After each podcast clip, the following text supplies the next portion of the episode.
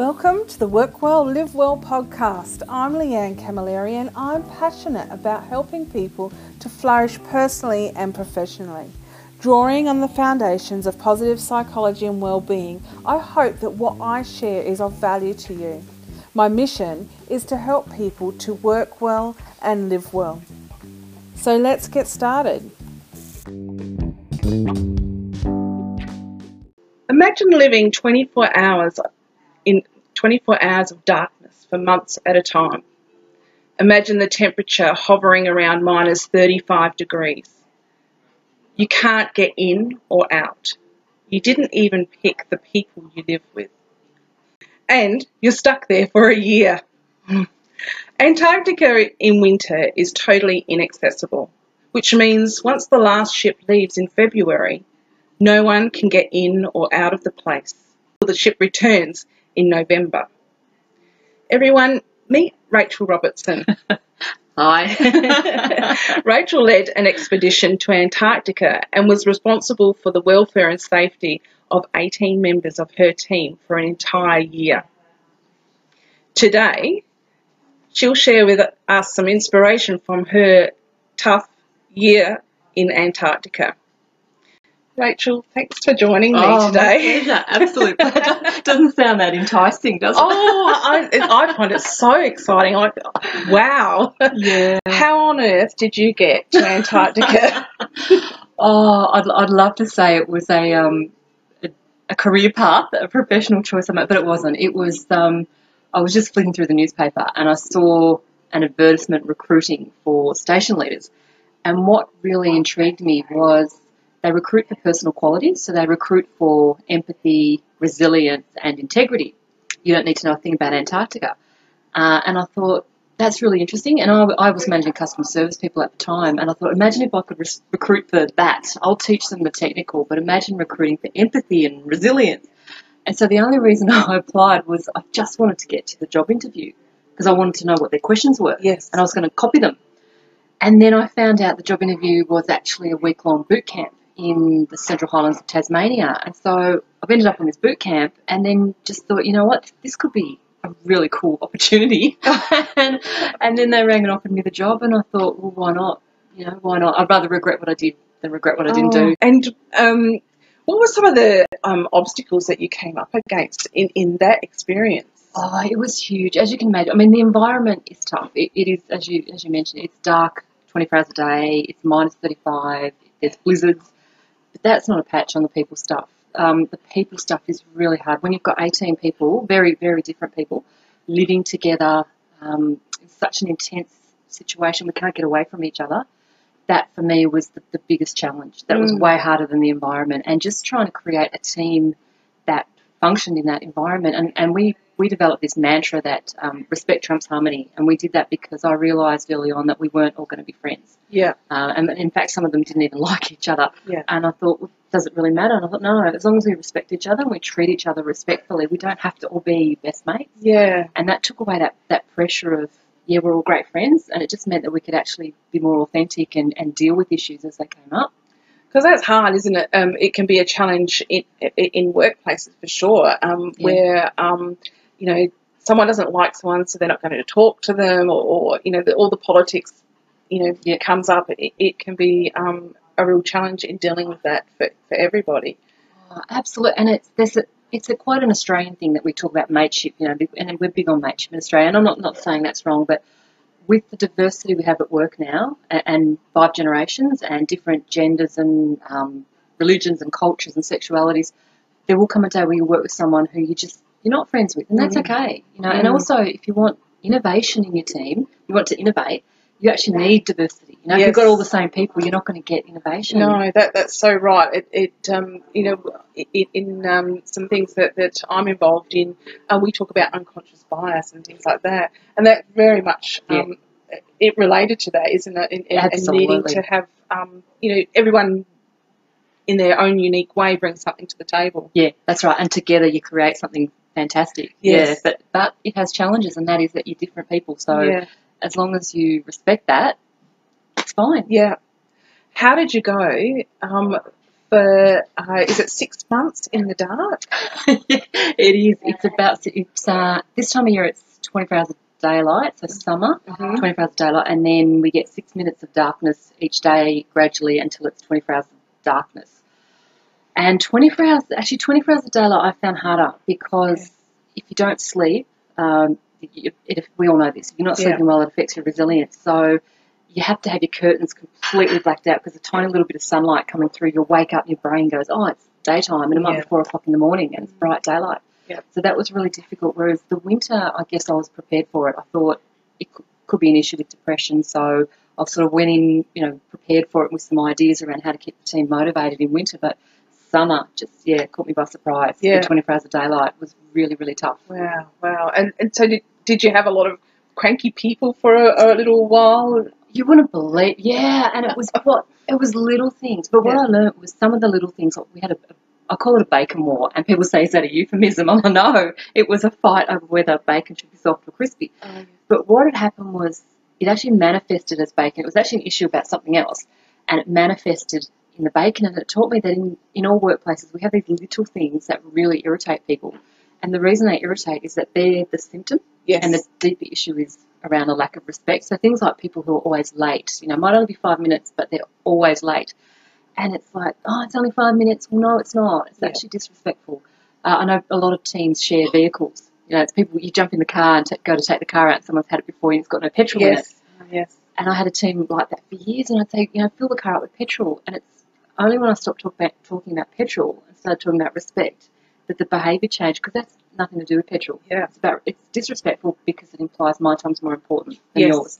So I'll bring the car back uh, with no petrol, or I'll be late to the meeting because my time's more important than your time, and that's why it irritates us. Yeah. And so you take that and you put it into 24 hours of darkness where we can't get away from each other. We're inside. We can't even go outside in Yeah. winter, and it's just like this powder keg. So my job was to try and find ways of uh, dealing with that and raising issues, discussing them, dealing with it, get over it, and get on with it. Um, Rachael, you in your book, um, Leading on the Edge, oh, yeah, the whole weekend, I read it in a weekend, and, and the book, one of the main things is, is a mantra that I use regularly, and that's, um, you know, regret the things you did, not the things you didn't. Would you explain that for everyone, or what what that means? Yeah, it um when I was offered the the job, it, really came down to that, and I'm, and I was 35 at the time, and I was I was single, and I thought, oh, you know, really, I should.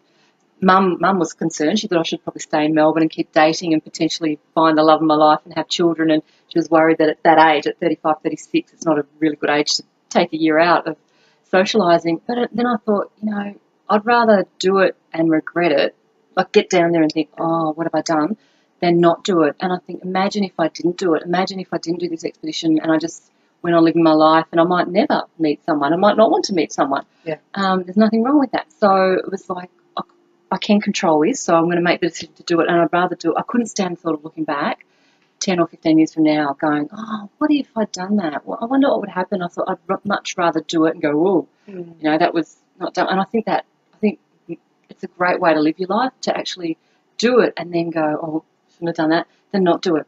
Because Yeah. I just, I just think to get to the end of your life and look back and think, oh, all these regrets of stuff you could have done and should have done rather than, yeah, okay, shouldn't have done that. found, you know, since using that mantra, that that has helped me in, in you know, some things, you know, in, in progressing in, in my life because um, if you um, go ahead and do it anyway, what's the worst that's going to happen?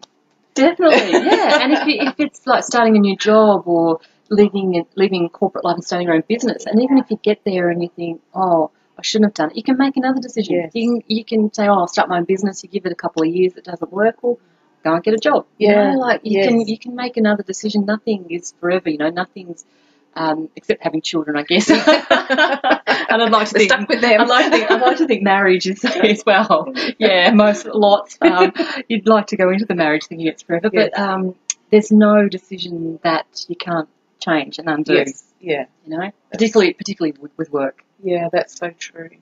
Um, Rachael, resilience. How did you um, maintain resilience through um, that that year Yeah. in Antarctica. It, it's tough. I, I actually, I was the second woman at Davis Station, and I had dinner with Diana Patterson, who's the first woman. And I asked her, I said, how, how did you do it? And she said to me, um, one of the tools, she said, I kept a journal. And I thought, oh, yeah, great. I, I haven't got time for a journal. And then I thought, you know what? This, this woman knows what she's on about. She, she's done it, so she knows what she's talking about. So I thought, I'll trust it. So I kept this journal. It, it was, oh gosh, it kept me sane. It was cathartic. It wasn't, dear diary, today I went and photographed penguins. It was, this person's driving me crazy, and if I could send them home, I would. And it actually, what it did, it got the emotion out Yeah. so that, I get goosebumps talking when I talk about it. It got the emotion out so that I could sleep. Yeah. You know, rather than waking up at three o'clock in the morning, churning things over in my head, it actually got the the emotion out, and so I slept better, which Yeah. made me more resilient. The other thing it did as as a leader, it I had no one tapping me on the shoulder saying, Yes. you know, you've got that wrong, you've got that right. So it gave me the ability to reflect on my own performance as a leader and look Yeah. back and go, oh. And so things I got wrong, the only way I worked out I got them wrong was because I wrote them down in my journal and then I reflected and went, oh, that was that was something I, I did that. I made that decision. Wow. And so the journal was just oh, kept me sane, and it really was just to get the emotion out. And and my only rule around journals is you've got to handwrite them. Yes. I've had people say to me, oh, you know, they're typing their journal, and it's like, no, because then you spell check and you you change your grammar, and that's not the idea. The idea is just to get the thoughts out and the emotion out. And for me, it just it was fantastic. I find once I start writing, everything just sort of flows Yeah. out. Yeah, and that's it. I Yeah. wrote a page. Yeah, same. I disciplined myself to write a page every day, Right. uh, and it was start. Sometimes it started off as a chore, and I'm like, oh yeah, I've got nothing much to write today. But then something would would you know clink in my brain, Yeah. or a memory would come in, and then I would just start writing and, and writing and writing and writing, and before I knew it, I finished you know one page, two pages. But it was really for the mental health. That's why I did it. Yeah, that that's um, um, some, something that's uh, just just so helpful in being able to um, you know look at the you know any problems that you might have or, or um, you know looking looking back on um, when, when you say looking back on the, the um, you know what you're experiencing you see things in a different light don't you Absolutely, and sometimes you, you're so in the middle of something that you can't. I don't want to use a cliche, but you can't see the forest for the trees. You actually can't see it, and so the the journaling really helps you get clarity, and it helps you because you can write it and then you can look back at it and think, so what is the real issue here? What what's really worrying me here? And yeah, it just gives you a clarity that sometimes you can't you can't get just from thinking, and you overthink, and then you get tired. So, Yes. but it re- for me, it was really mental health. Yeah. being uh, the second woman in Antarctica to lead a team, um, and you know when we're talking about in today's world with diversity and things Mm. like that, how how was your experience um, with that, um, and and how were you treated as a leader? Did you have any issues? Yeah, I. My team were really good, and and the only reason they were so good is that we, the Antarctic Division, invest a lot of time and energy into recruitment. So they actually weed out all of the, the problem people. But I have been in situations because I've worked in male-dominated industries my whole life where, you know, even in my very first job, I had I was challenged as a, as a woman, and in one way it was actually a gift because it opened my eyes at the age of 21 that there would be men who didn't want me in their world. And Yes. so as tough as it was at the time, it wasn't it wasn't covert. It wasn't under under the ground. You know, it was obvious. They obviously Yeah. didn't want me. Yeah. So it made me think, okay, I'm going to have to work hard here and keep my head down and listen and learn. And so I never, as I rose through the ranks, I never tried to assert authority. I just Yes. thought I've got authority. I have the authority. I am the manager or I am the leader. And so I was very conscious of not asserting that. I don't need to assert it. I've got it. And then it was just a matter of, of learning and asking questions and Yeah. listening and, and getting a mentor as Yes. well, getting mentors, getting executive sponsors, getting coaches. So getting all of that help around me Mhm. um, to give me the technical knowledge really helped. Yeah, having a mentor really does um, help, doesn't it? Because they, they they're the ones that'll um, sort of push you in the right direction, make you think outside of the box, or, or they have that wisdom as well, where um, you know they've they've been there and done it before, and um, you know what they share is gold, really, isn't it? Yeah, and that that's it. It's from experience. Yeah. They're speaking from experience. So often um, when I'm talking to people about this, it, it's that third party clarity. Mm. You know, when I'm, I'm particularly emerging leaders, and I say one of the most valuable tools you have is a third party. It doesn't have to be someone in your business. It could be a friend or uh, someone at home. That but that third party clarity of someone who can just come in and say, "Have you thought of this? Yeah. Have you thought about that?" Or I had a similar. And mentors, that's what mentors do. They say, Yeah. "I had a similar issue." Um, you know, two months ago, and what how I dealt with it was ABC. Yes. And you can either choose to do that or not. But sometimes Yeah. it's that that light bulb that comes on from someone who, Yes. who's not in the situation because you're in it. Yes. It's hard to see sometimes. Yes, absolutely. Yeah, you, like you say, you can't see the smoke for the trees. Yeah. Given you know your book as a given and um, and journaling as a as a given as uh, some ways you know, to uh, tackle uh, well-being and and um, and you know leadership in in a very um, difficult situation or challenging, perhaps is a better word. Yeah. Um, do you have uh, a well-being tip, mantra, uh, book that you could share with the group?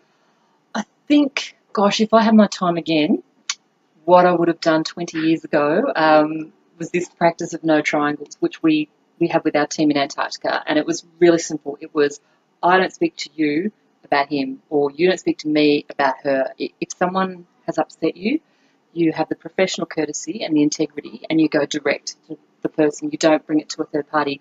And oh, I wish I had done it 20 years ago because the amount of time and energy and energy, it's energy mm. that I spent over the years listening, not contributing, but just listening to people Yeah. going, oh, yeah, whinge, whinge, whinge, complain, complain. And they don't want you to do anything about it. Even as the leader, that I'd say, do you want me to do anything? And they'd say, no, I'm just letting you know. And it's exhausting. Yes. It's time consuming and it's exhausting. Yes. So I, I now have a practice of it. Even at, at school, I have a practice with you know uh, any other parents who talk to me about the teachers. I said, don't don't talk to me. Go and talk to the teacher. uh, no triangles. And so I have a practice of it now. But I just wish for my own mental health and well-being I'd done it years ago because you don't mean to get caught up in those conversations, but even by just listening, Yes. you know, you're actually tacitly, you're actually supporting it and saying it's okay. And Yeah. I just wish I had said, had this reputation around me that Rachael's a no triangle person, so don't, don't bother, Yes. don't even engage her in those conversations because she doesn't want to hear it. Yeah. And I do now. Yes, yeah. I'm strict on it now. Yeah. All my teams, I insist with all my teams that I work with that it's no triangles. Yeah. But it's about, it, it's really common sense because how it started, someone complained to me and I said, Do you want me to talk to him? And he said, No, I'm just telling you. And, and I actually said out loud, But if you don't talk to him and I don't talk to him, you and I will have the same conversation next week and the Mm. week after. And we will always have this conversation because nothing can change if Yeah. this person is unaware. And it was just, how simple is that? It's Yeah. so simple. It is. But I've never simple. thought of it before. And I honestly, for my own well-being, I wish I'd done it sooner. Yeah, yeah. Look, thanks so much for spending a bit of time with me to have a chat. Um, Yeah. um, how can people find you if they want to know more about you? Yeah, my website's probably the best resource. So that's Yes. just rachaelrobertson.com. Okay. nothing, nothing too fascinating there. And then, yeah, I'm more than happy. I, I have a um, an online leadership program, Uh-huh. which is a 12 week leadership program. We deliberately did it that way to make it low cost and make it available to people in remote areas. Uh huh. Okay. So we wanted anyone, anywhere who could devote, and it's only like 15 minutes a week. You watch the video, and then there's a workbook that you fill out. So we wanted to make it available to anyone, anywhere, particularly for women. Okay. Um, so there's that, and then I often do a lot of I do a lot of speaking work at events and Okay. travel around. I'm usually in someone's neighbourhood, you know, talking to a group. So I'm more than happy to come out and chat to groups. Well, I'll put the no- um, a link to your course and your book Yeah. in the in the notes, and and um, and also uh, what we'll do is we'll ask uh, if there's any questions from from uh, the group, and, and um, perhaps we can get you on to um, Absolutely. uh, answer them if they've got Yeah, some. absolutely. Yeah. Send them in. Excellent. So thanks again for spending that uh, the last 20 minutes with me. I really pleasure. appreciate it. Absolute and, and um, yeah, thank you. No worries. Thank you.